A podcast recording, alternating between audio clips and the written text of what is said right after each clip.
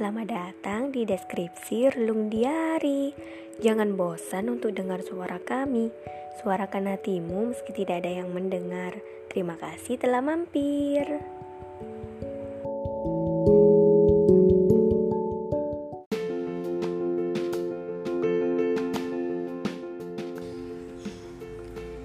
Hai Sobat Relung, pernah gak sih kalian suka secara diam-diam?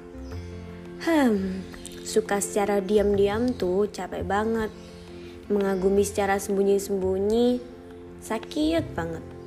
Kalau mau ngomong nanti takut malah makin jauh. Soalnya nggak ngomong aja rasanya sulit banget untuk digapai. Ya karena emang dia sosok yang perfect untuk dijadiin sebagai sosok pasangan impian yang mana standarnya terlalu di atas rata-rata dibandingkan diri yang nggak ada apa-apanya ini. Bukannya minder sih, tapi emang bener-bener sulit digapai aja.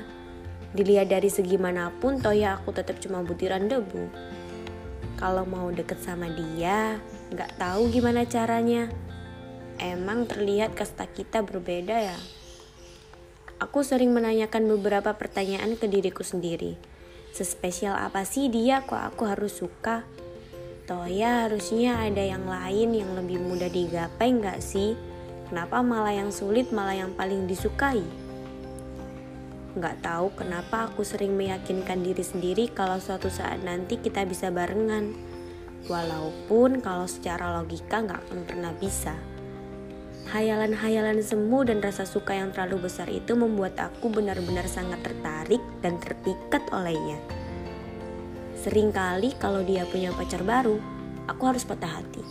Kesal, kemudian marah semarah-marahnya kalau aku ngerasa bahwa harusnya aku yang berada di posisi itu.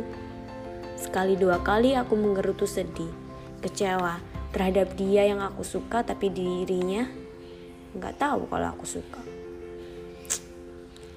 Kesel banget cinta secara diam-diam, suka diam-diam. Sampai pada suatu ketika, ya dia putus sama pacarnya. Aku pun menyudahi kesedihan dan berharap lagi bahwa dia masih akan jadi idamanku. Sampai saat suatu hari nanti kita pasti bakal barengan. Capek gak sih bertahun-tahun ngeyakinin diri sendiri gini terus?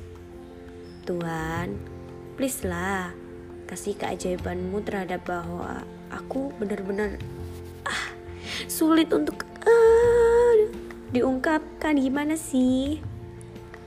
Ya, walaupun cuma sebentar, izinkanlah. Jika benar-benar bahwa dia bukan milikku nantinya, setidaknya buat aku untuk berani jujur untuk perasaanku padanya. Entah kekuatan dari mana, atau hanya ingin melepaskan beban berat ini yang kurasa. Aku ingin merasa lega dan mencoba untuk berbicara dengannya. Please Tuhan, semoga aku bisa sekali saja berbicara dengannya. Aku menantikan hari itu benar-benar tiba nantinya. Gimana menurut kalian? Suka secara diam-diam tuh menyebalkan gak sih?